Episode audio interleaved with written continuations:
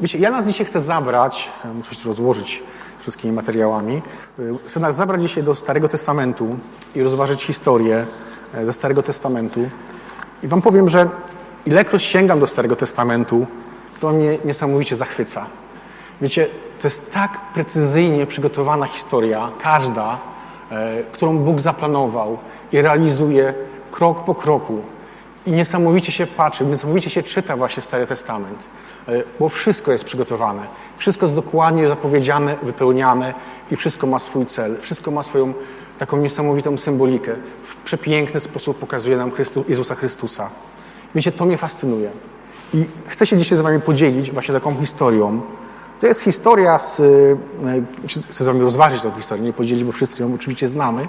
e, Z Księgi Jozłego, e, z drugiego rozdziału.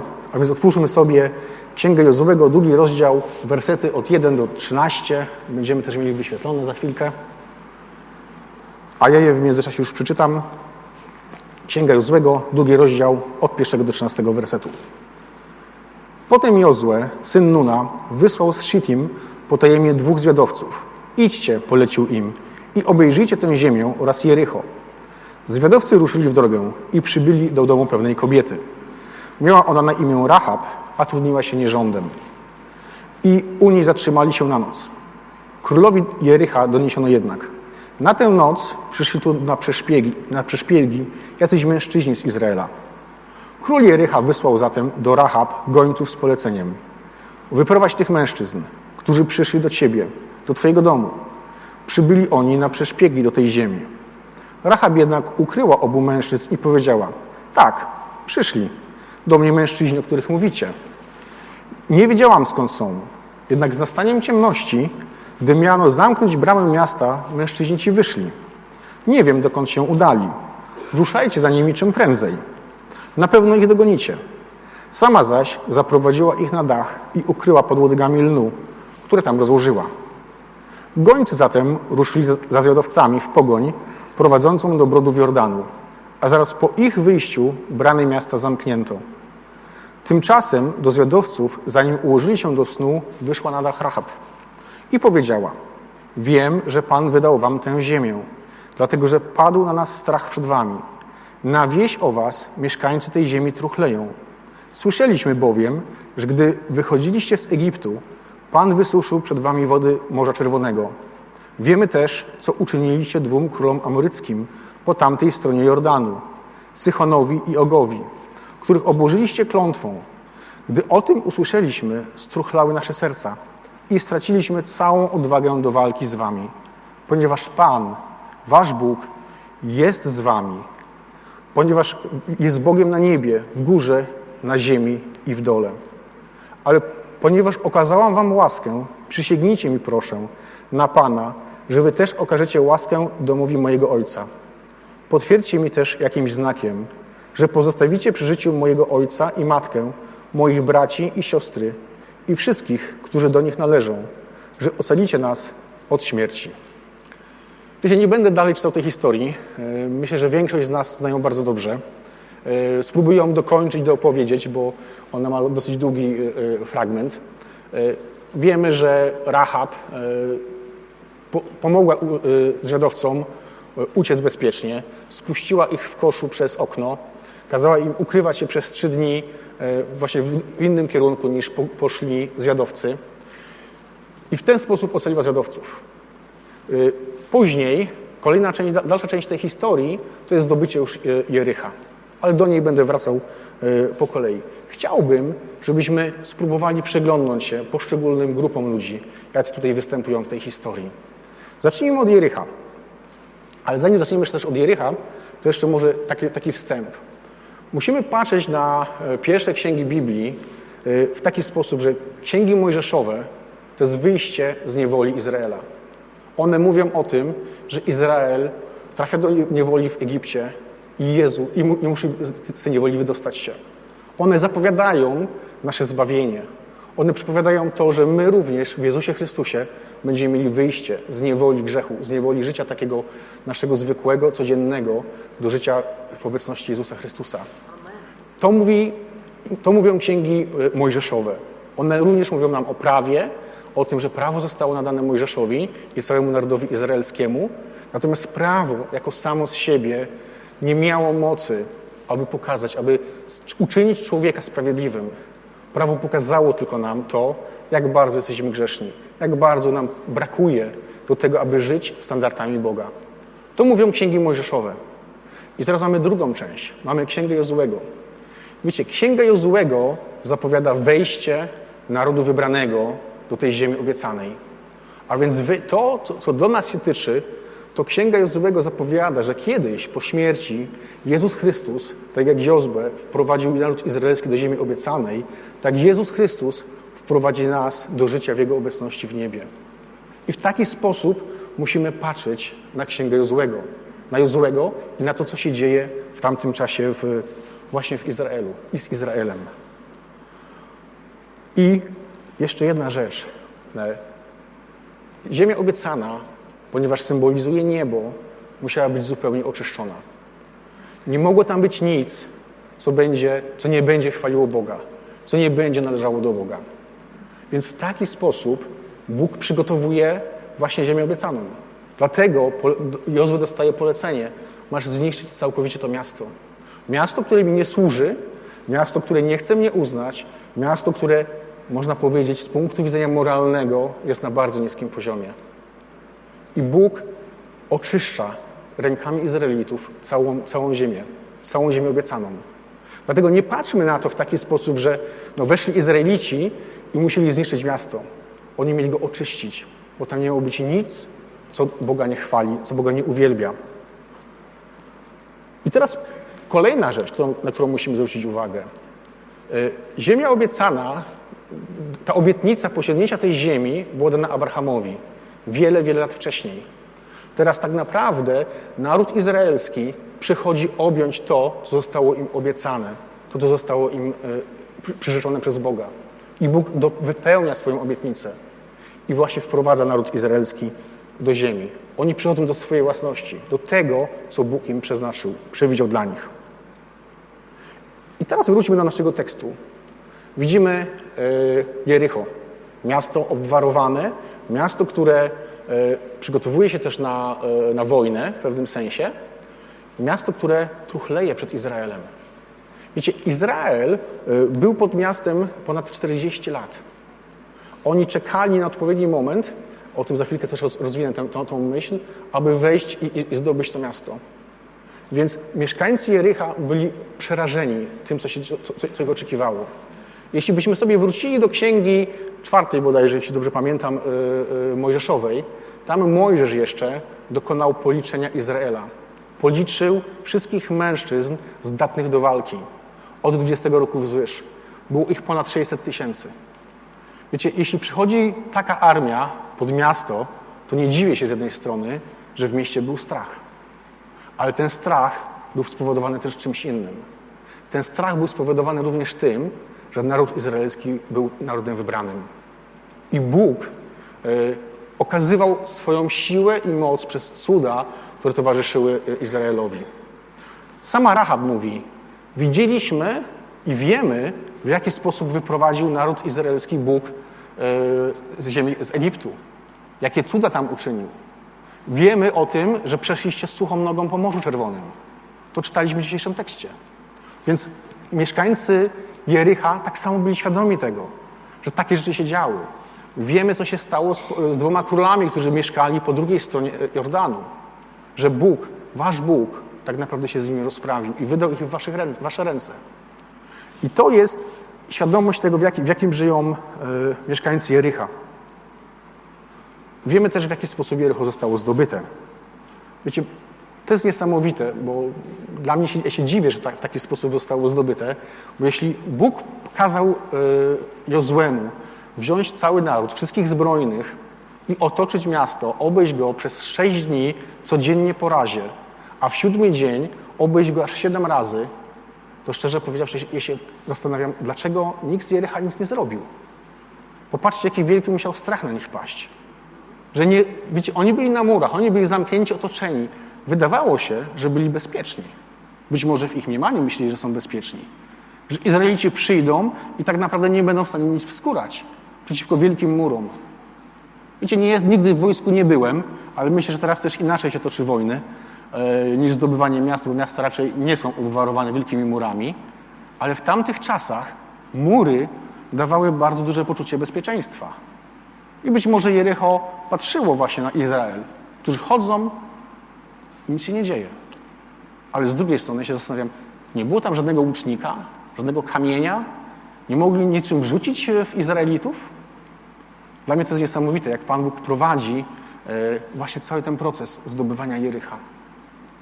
Ale też niesamowite jest to, w jaki sposób pada strach na wszystkich e, przeciwników Boga, na tych, którzy nie chcą żyć z Bogiem właśnie w tamtych, w tamtych czasach.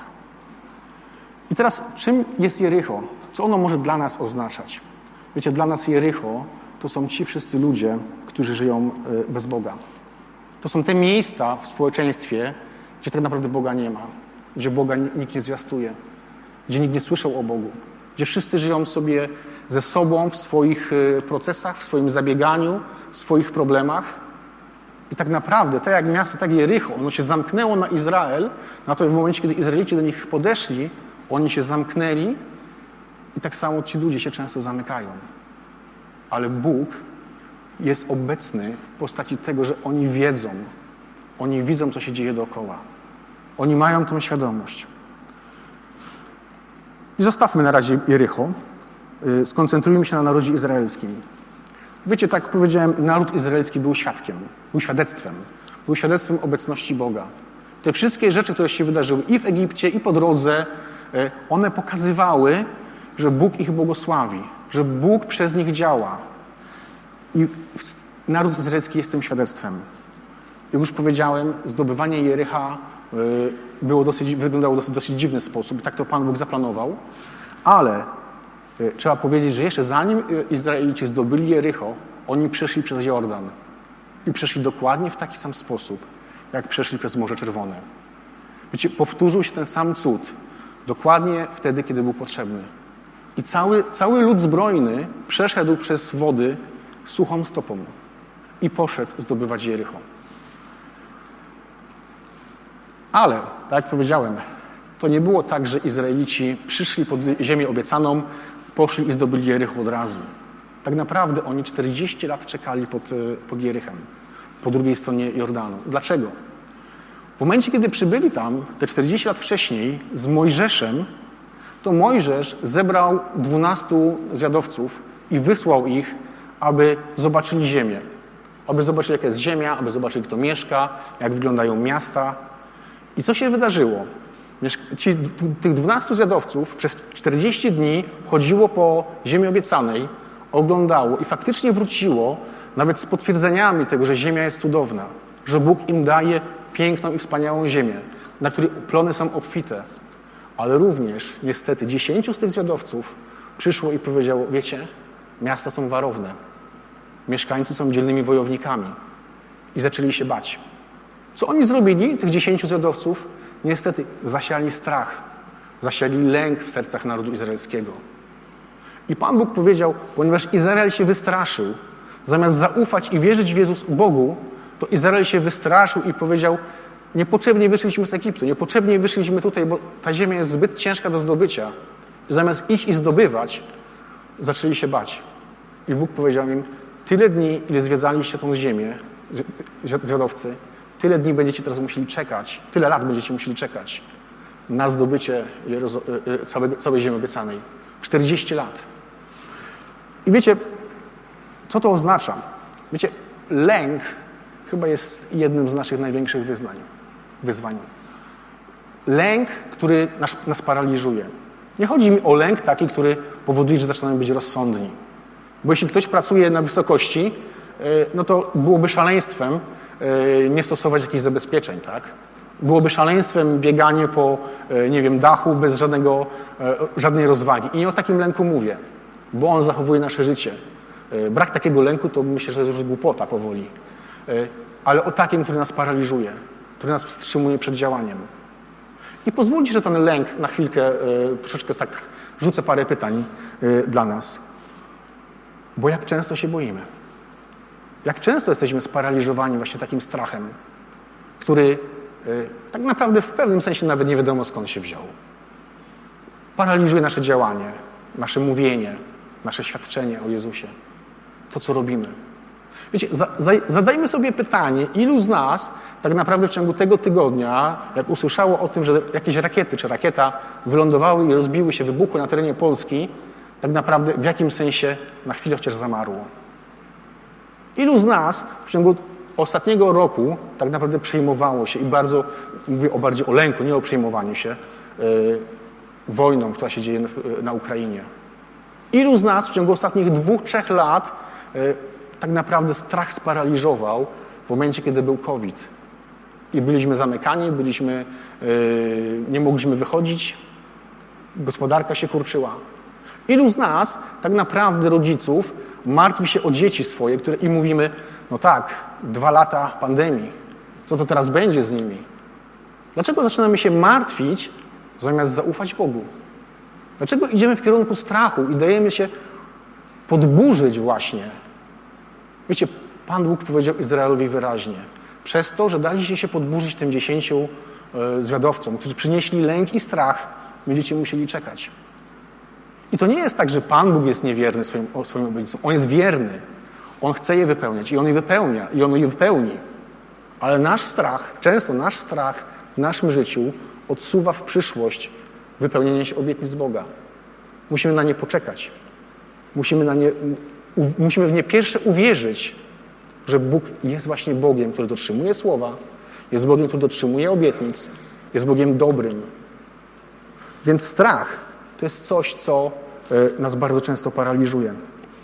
Wiecie, być może wracając do tego strachu, do takich bardziej przyziemnych rzeczy, do bardziej takich e, codziennych, być może ktoś z nas boi się o to, o, panie, czy ja sobie dam radę w pracy, czy mnie nie zwolnią, czy nie wiem, stracę pracę, bo cokolwiek innego.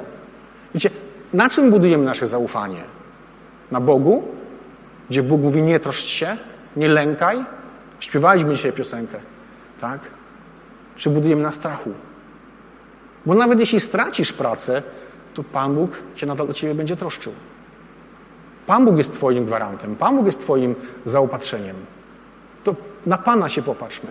W momencie, kiedy dotyka nasz strach, odwróćmy oczy od tego strachu i przestańmy go, że tak powiem, budować, ale popatrzmy na Boga. I na to, że On mówi, nie lękaj się, bo ja jestem z Tobą. Chociażbyś szedł przez dolinę, tak? Ciemną. Nie lękaj się strachu. Więc to jest naród izraelski. Wiecie, jakieś pięć lat temu, mniej więcej, byłem w Izraelu.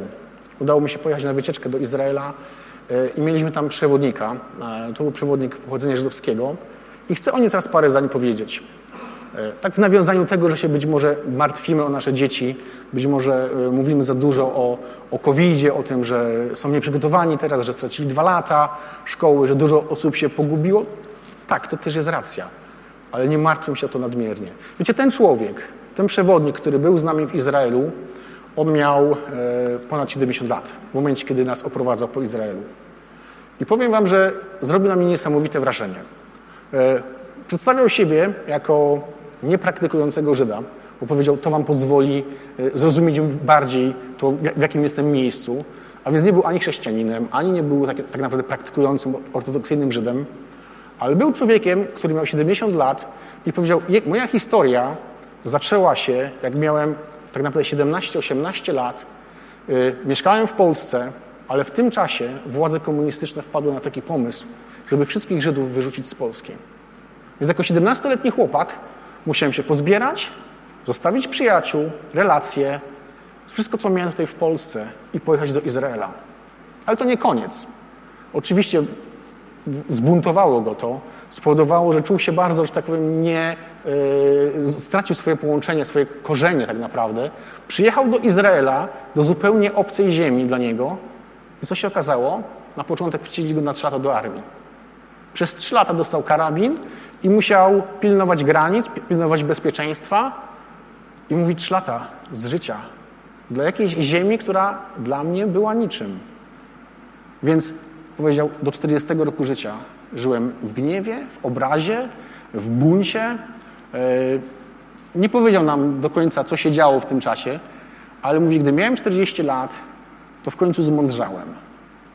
I jak zmądrzał, to mówi, poszedłem na studia, zrobił doktorat, e, nauczył się kilku języków, e, pół roku spędza w Izraelu oprowadzając wycieczki, a przynajmniej wtedy spędzał, bo nie, nie, mam, nie mam z nim kontaktu, więc nie wiem, co się teraz dzieje. Oprowadzał wycieczki po Izraelu i pokazywał je w niesamowity sposób. Pomimo naprawdę to było błogosławieństwo móc słuchać Jego, pomimo, że nie był związany z chrześcijaństwem, ani nawet z żydostwem za bardzo, poza urodzeniem, niesamowity sposób pokazywał i mówił o tych rzeczach. Drugie pół roku spędzał w Polsce, bo mówi, mimo wszystko ta miłość do Polski w nim pozostała. I co chcę powiedzieć? Chcę powiedzieć, jeśli się uporasz ze swoimi emocjami. On miał problem z gniewem albo z obrazą. Wcześniej mówiłem o lęku. Jeśli uporasz się ze swoimi emocjami i uporządkujesz je i poddasz je pod Boga, pod Jego działanie, to zawsze jest czas, aby uporządkować sobie życie, aby go zmienić, aby wrócić w odpowiedni sposób i w odpowiedni sposób to życie prowadzić, tak jak Bóg chce. Bez lęku, bez strachu, bez gniewu.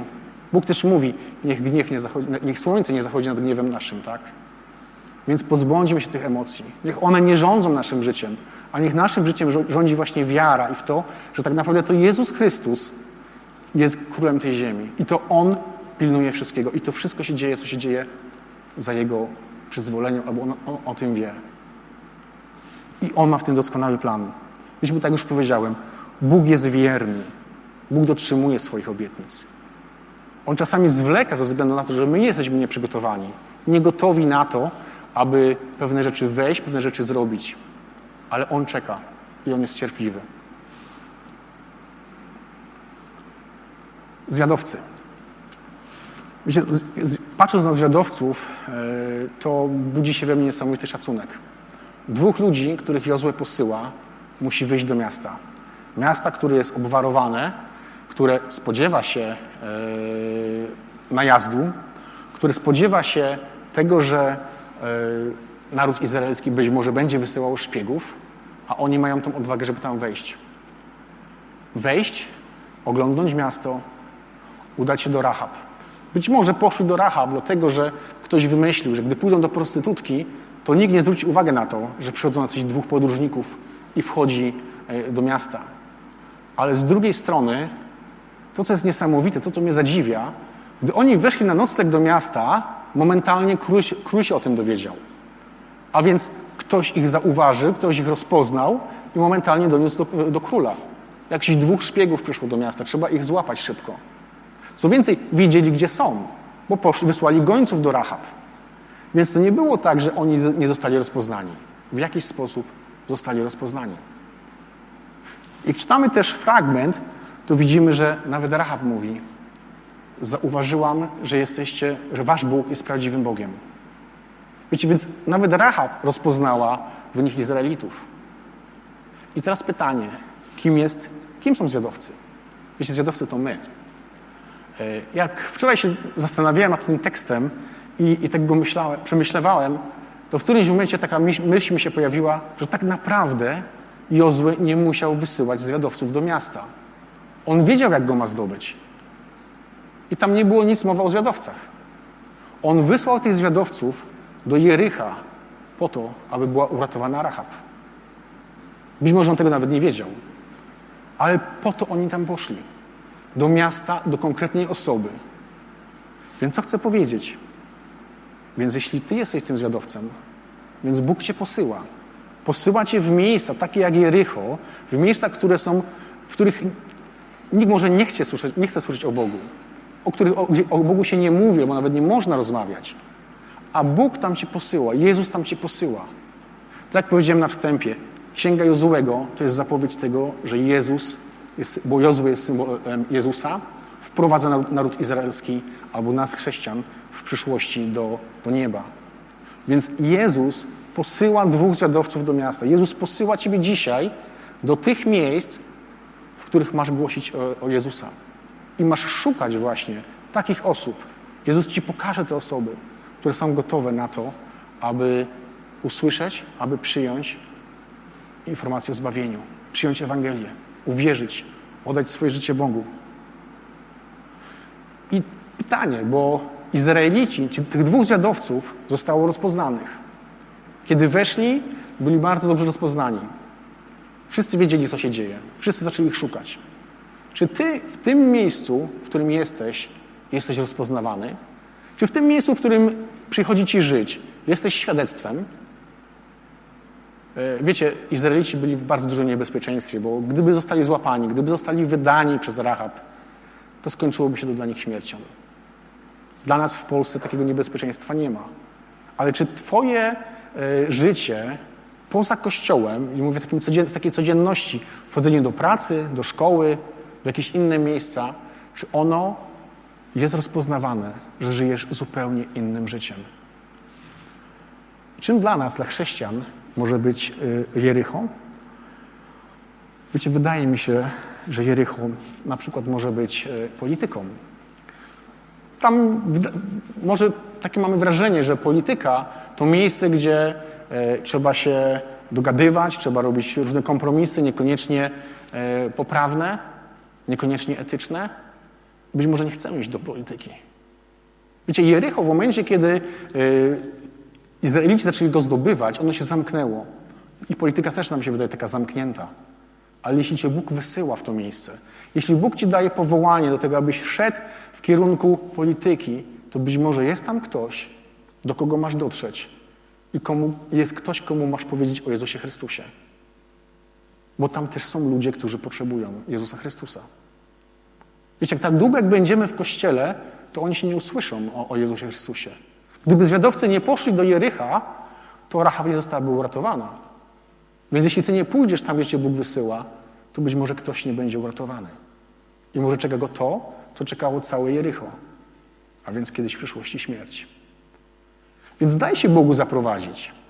Wiecie, przykładem z takiej osoby, która z dnia na dzień, można powiedzieć, została przeniesiona z więzienia, mówię o Józefie, do bycia drugim, drugą osobą po faraonie w Egipcie, jest Józef. W jeden dzień Bóg go przeniósł. I dzięki temu Bóg dał ochronę e, całemu narodowi izraelskiemu. Oni przetrwali głód i mogli e, przetrwać, mógł cały naród, naród przetrwać. Więc słuchajmy Pana Boga. Wiecie, innym przykładem może być świat sportu. Wiecie, sport też nam się wydaje e, taką, można powiedzieć, zamkniętą enklawą. Ale też w sporcie są ludzie, którzy służą Bogu, którzy, są, którzy wierzą w Niego. Więc jeśli cię znowu Bóg prowadzi do, do świata sportu, to idź tam ale bądź rozpoznawalny. Bądź świadectwem. Nie bój się tego. Bądź świadectwem Jezusa Chrystusa, tego, że On jest e, Twoim Bogiem i żyj według standardów Bożych. Tam, gdzie jesteś, daj się rozpoznać. Bądź ambasadorem właśnie Boga. Wiecie, możemy powiedzieć o innych e, przykładach. Nauka, polityka, już mówiłem o biznesie. Jeżeli Bóg Cię w takim kierunku prowadzi, to idź tam i bądź świadectwem. I bądź wierny i głoś nam Jezusa Chrystusa. Nie bójmy się tam iść, bo Jezus, Bóg jest wierny, do, do, do, jest wierny swoim obietnicom. Wiecie, chciałem jeszcze wrócić na chwilkę do narodu izraelskiego, bo naród izraelski, kiedy czekał te 40 lat na wejście do ziemi obiecanej, to w pewnym sensie można byłoby się wydawać, że, był, e, że czekał właśnie na możliwość wejścia. Natomiast tak nie było do końca oni zaczęli się e, spowinowacać z Moabitkami, które mieszkały w okolicach. Zaczęli e, uczestniczyć w ich obrzędach religijnych. Zaczęli, odchodzili od Boga. To pokazuje nam jeszcze również to, że często nasze życie jest grzeszne. Ale musimy patrzeć na Jezus, znowu musimy patrzeć na Jezusa Chrystusa. Musimy znowu popatrzeć na to, że to Jezus Chrystus jest naszą sprawiedliwością a nie nasze pojedyncze upadki. Nie możemy dać sobie powiedzieć szatanowi, że wiesz, zrobiłeś coś złego, ty się już nie nadajesz. Ty już musisz, wiesz, zająć się czymś innym. Uchwyćmy się tego, że to Jezus Chrystus, że to Bóg jest naszą sprawiedliwością, że to Jezus Chrystus umarł za nasze grzechy i On mówi, jesteście czyści. Jeśli przyjmiesz Jezusa Chrystusa, jesteś czysty. I nie mówię teraz, że okej, okay, Pan Jezus nas oczyścił, mamy zbawienie, to grzeszmy, bo to nie o to chodzi. Ale chodzi o to, żebyśmy się nie dali tym pojedynczym rzeczom wplątać w jakieś y, rzeczy, które nas ograniczają. I w końcu dojdźmy do Rahab. Wiecie, Rahab, e, jak już powiedziałem, jest tą osobą, która szukała. Jest tą osobą, która była otwarta. Tą, która rozpoznała e, w narodzie izraelskim Boga, w sensie, że oni mają Boga, który jest prawdziwym Bogiem. Co zrobiła Rahab? Po pierwsze wyznała to e, przed zjadowcami, że oni mają prawdziwego Boga. Że ich Bóg jest tym Bogiem, który jest prawdziwy, który jest żywym Bogiem i który udowadnia to, że On nad wszystkim panuje. Ona to uznała. Co więcej, poprosiła o ratunek. Można powiedzieć, nawet wręcz zmusiła zwiadowców. Przyrzeknijcie mi, że mnie ochronicie, że w jakimś sensie uratujecie moją rodzinę. Znowu, gdybyśmy czytali tą historię dalej, e, to wiemy, że zwiadowcy powiedzieli wszystkim osobom, który, których Ty zgromadzisz w Twoim domu, będzie darowane życie. E, jeśli Twoi rodzice, Twoje bracia i siostry będą u Ciebie w domu, to Twój dom ocaleje. Wiecie, naród izraelski, zdobywając Jericho, okrążał mury i w siódmym dniu, kiedy zadali, zadali w trąby, wszystkie mury miasta runęły. Zostało zniszczone wszystko, całe miasto. Całe miasto runęło w, w gruzach. W tym momencie Izraelici weszli do miasta i zniszczyli wszystko, co tam żyło, co tam było. Wyprowadzili tylko rodzinę Rahab, a potem spalili miasto, bo takie było polecenie od Jozłego. Bo wyczyścić ziemię całkowicie. Więc tylko Rahab została uratowana. I poproszę teraz werset z Ewangelii Mateusza. E, pierwszy rozdział, piąty werset. Ja go może sobie też otworzę.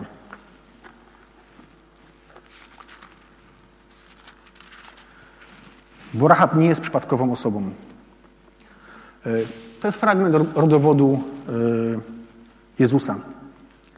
Salmon był ojcem Boaza, matką zaś była Rahab. Boaz oraz Rut byli rodzicami Obeda, a Obed ojcem Jesaja. I szósty jeszcze. Jesaj był ojcem Dawida, króla Dawida. Widzicie, kogo uratowali zwiadowcy? Znowu to jest, e, chcę powiedzieć, jeśli Bóg cię wysyła gdzieś i pokazuje ci jakąś osobę, to nie ty osądzaj. Rahab była prostytutką. I można było powiedzieć, no nie, no ale prostytutkę? Nie było nikogo lepszego w Jerychu? Nie, ona była najlepsza. I co więcej, była tak niesamowita i tak istotna, że Bóg włączył ją w genealogię Jezusa Chrystusa. Wiecie, jeśli Bóg cię posyła w jakieś miejsce, to być może znajdziesz tam osobę, nie oceniaj jej, nie osądzaj, bo osąd należy do Boga, ale głoś jej Ewangelię. Głozie Chrystusa. Nie pogardzę daną osobą. Zostaw to Jezusowi Chrystusowi, żeby On go osądził, jeśli taka jest potrzeba. Ty masz do Niego podejść z miłością. Wiecie, to jest niesamowite. Jezus, zwracając się do wszystkich osób, które do Niego przychodziły z prawdziwą wiarą, e, nikogo nie osądził. Nikim nie, nie pogardzał. Natomiast do faryzeuszów, do, do, do faryzeuszów, do uczonych w piśmie mówił, mówił do nich plemię żmijowe. Dlaczego? Bo oni wiedzieli, jak mają się zachowywać, a tak nie postępowali. Oni wiedzieli, co mają robić, a tego nie robili. Ale ci, którzy potrzebowali pomocy, ci, którzy przechodzili z prawdziwą wiarą do Jezusa Chrystusa, to te osoby spotykały się z Jego miłością, zrozumieniem, wybaczeniem. Więc bądź też taki, taki jak Jezus. Okaż tą miłość, okaż współczucie, okaż zrozumienie dla drugiej osoby i przede wszystkim głosie Jezusa Chrystusa. Wiecie, Nowym Testamencie te osoby, które przychodziły do Jezusa, jeśli pokazywały wiarę, to za każdym razem słyszały, Twoja wiara Cię uzdrowiła, albo Twoja wiara Ci pomogła. I tak samo jest z Rahab. Rahab pokazała niesamowitą wiarę. Wiecie, trzeba było mieć niesamowitą wiarę, żeby przeciwstawić się królowi, posłańcom króla, którzy przyszli i mówią mi wprost: oddaj tych mężów którzy się u ciebie ukryli. I Biblia nie pochwala kłamstwa, które, które, do którego się dopuściła Rahab, ale pochwala jej wiarę. Pochwala jej wiarę za to, że ochroniła tych posłańców. Wiecie, ona zaufała bardziej Bogu i za bardziej im, że oni są w stanie ją ochronić, niż wystraszyła się również całej armii króla i wszystkich ludzi. Po to, aby osiągnąć zbawienie, aby osiągnąć przyłączenie do narodu wybranego.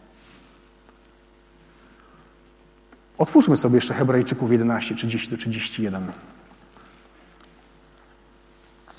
To jest fragment, który mówi o bohaterach wiary. Hebrajczyków 11, 30 i 31. Dzięki wierze Rahab, prostytutka, nie zginęła razem z niewiernymi, gdyż przyjaźnie przyjęli łazwiadowców. Jeszcze 30 wcześniej. Dzięki wierze runęły mury Jericha, okrążane przez 7 dni. Widzicie, wiara to jest coś, co w Biblii jest nagradzane. Każdy, kto przychodzi do Boga z wiarą, y, jest nagradzany. Jeśli przyjdziesz z wiarą do Boga i rozprawisz się ze swoim lękiem, ze swoim strachem, ze swoim gniewem, albo jeśli przyjdziesz do Boga, y, bo go wcześniej nie znałeś, nie miałeś z nim relacji i powiesz, że chcesz z nim żyć, to Bóg nagradza taką wiarę. Bóg przyjmuje cię do siebie i możesz oddać mu swoje życie. I możesz żyć zupełnie innym życiem. Otwórzmy sobie jeszcze ostatni fragment z Jakuba, drugi, z, listu Jakuba, listu Jakuba 2, 25 i 26. Bo wydaje się, że ten fragment y, w pewnym sensie mówi troszeczkę coś innego. Podobnie było z Rahab, prostytutką. Ona również została usprawiedliwiona dzięki uczynkom, bo przecież przyjęła zwiadowców, a następnie wypuściła ich inną drogą. Otóż jak ciało bez ducha jest martwe, tak martwa jest wiara bez uczynków. Wiecie, tu może jest powiedziane o uczynkach, ale te uczynki są wynikiem wiary. To, że Rahab zaufała, to spowodowało, że, że ochroniła, pomogła zwiadowcom, a potem otrzymała właśnie zbawienie, uratunek. Więc to nie jest tak, że nasza wiara, która jest tylko pustą deklaracją, cokolwiek zmienia. Tu musi być wiara, która jest połączona z uczynkami. Wiara, która jest połączona z działaniem. Wiara, która jest widoczna w działaniu. Wiecie, możemy wierzyć w przeróżne rzeczy. Możemy wierzyć w demokrację, możemy wierzyć w różne inne rzeczy, ale co to zmienia? Wiecie, wiara w Jezusa Chrystusa jest czymś innym. Wiara w Jezusa Chrystusa jest pewnością tego, czego się spodziewamy. Wiara jest tym, jest pewnością tego, co, co, na, na co oczekujemy. To nie są puste deklaracje. To nie jest jakieś nasze przekonanie, że być może tak jest. Bo słowo wiara jest, można powiedzieć, może być różnie rozumiane. Bo do, dopuszcza jakąś, e, jakiś element prawdopodobieństwa. Ale nasza wiara, wiara chrześcijańska jest pewnością. Mamy być pewni tego, co Bóg do nas mówi. Mamy być pewni tego, że żyjemy z Bogiem.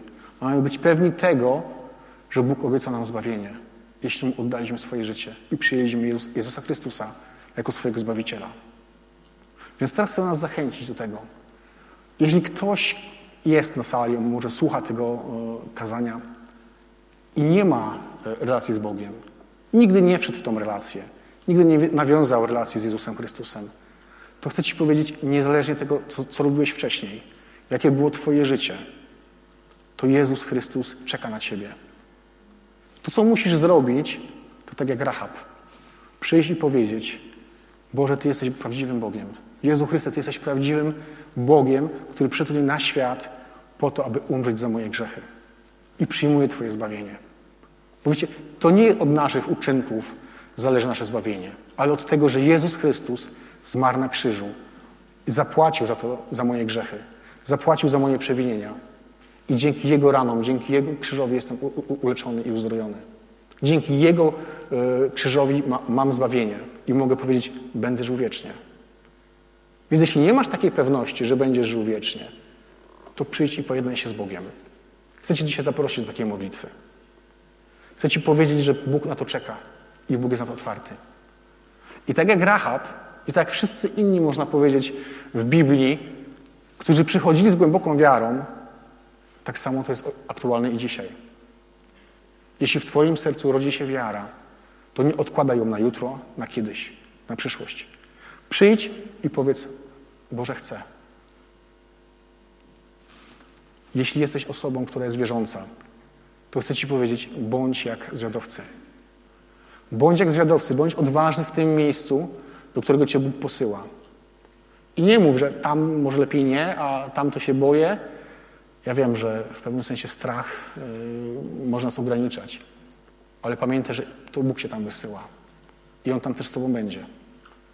Bądź tylko Mu posłuszny, Słuchaj tego, co On do Ciebie mówi. Słuchaj, w którym kierunku On Cię wysyła i gdzie Cię wysyła. Będę teraz się o to modlił. Y, I chcę nam wszystkim życzyć tego, abyśmy byli odważni. Abyśmy byli odważni jak właśnie zwiadowcy, abyśmy z odwagą głosili Słowo, abyśmy z odwagą wychodzili do tych ludzi, których Bóg nam e, położył na naszej drodze, czy do naszych sąsiadów, pracowników, a być może w przyszłości jakieś inne miejsca, do, do których nas Bóg chce wysłać. Więc powstajmy teraz, też mogę zaprosić już.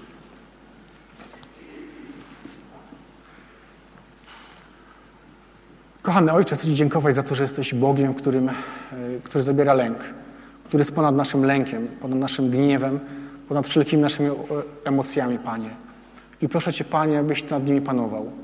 Proszę Cię, Panie, abyś Ty zabierał te emocje, które ograniczają nasze działanie, które nas paraliżują. Panie, abyśmy byli odważnymi świadkami Twojego słowa. Abyśmy byli odważnymi ludźmi, którzy e, idą tam, gdzie Ty nas posyłasz, Panie. Panie, chcę Ci dziękować za to, że Ty posyłasz, Ty wyposażasz i Ty wskazujesz nam na miejsca, które mamy się udać. Panie, proszę Cię o odwagę, o to, abyśmy też mieli wytrwałość w trwaniu w Tobie i odważnie głosili Twojego Syna Jezusa Chrystusa, Jego miłość, tego, co robi w naszym życiu, w jaki sposób działa w naszym życiu i w jaki sposób zmienia nasze życie. Panie, chcę Ci dziękować za to, że Ty jesteś Bogiem, który dotrzymuje swoich obietnic, że jesteś Bogiem, który e, jest wierny, pomimo, że my czasami nie dochowujemy wierności, Panie. I dziękuję Ci, Panie, że to Ty jesteś naszą sprawiedliwością i że w Tobie, Panie, jesteśmy obmyci, Panie, z wszelkich naszych nieprawości. Dziękuję Ci za to, Panie, z całego serca. Amen. I tak jak powiedziałem, chcę się zwrócić e, do tych, którzy e, nigdy wcześniej nie uregulowali swojego życia z Bogiem. Jeśli tego jeszcze nigdy nie zrobiłeś, to chcę Ci powiedzieć, że Bóg na Ciebie czeka. E, I być może dzisiaj przez te słowa mojego kazania Bóg, właśnie tak jak wysłał zwiadowców, chce dotrzeć do Twojego serca. I chce Ci powiedzieć, Bóg czeka na, na Ciebie. Więc jeśli nigdy tego nie zrobiłeś, to pomódl się razem ze mną. Tymi słowami, które teraz będę, będę zmawiał, e, bo Pan Bóg odpowiada na głęboką wiarę, na wiarę człowieka. Jeśli do Niego przychodzimy, wyznajemy, to Bóg jest wierny i Bóg otwiera dla nas nasze nowe życie.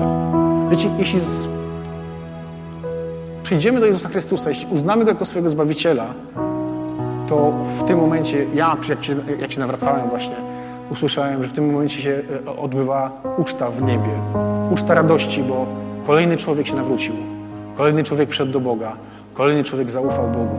I jego życie zostało zmienione całkowicie. Więc zechciejmy właśnie, jeśli taka osoba jest tutaj, właśnie przyjść do, do Boga. I tak się modlę. Kochany Ojcze, ja chcę Ci dziękować za Jezusa Chrystusa.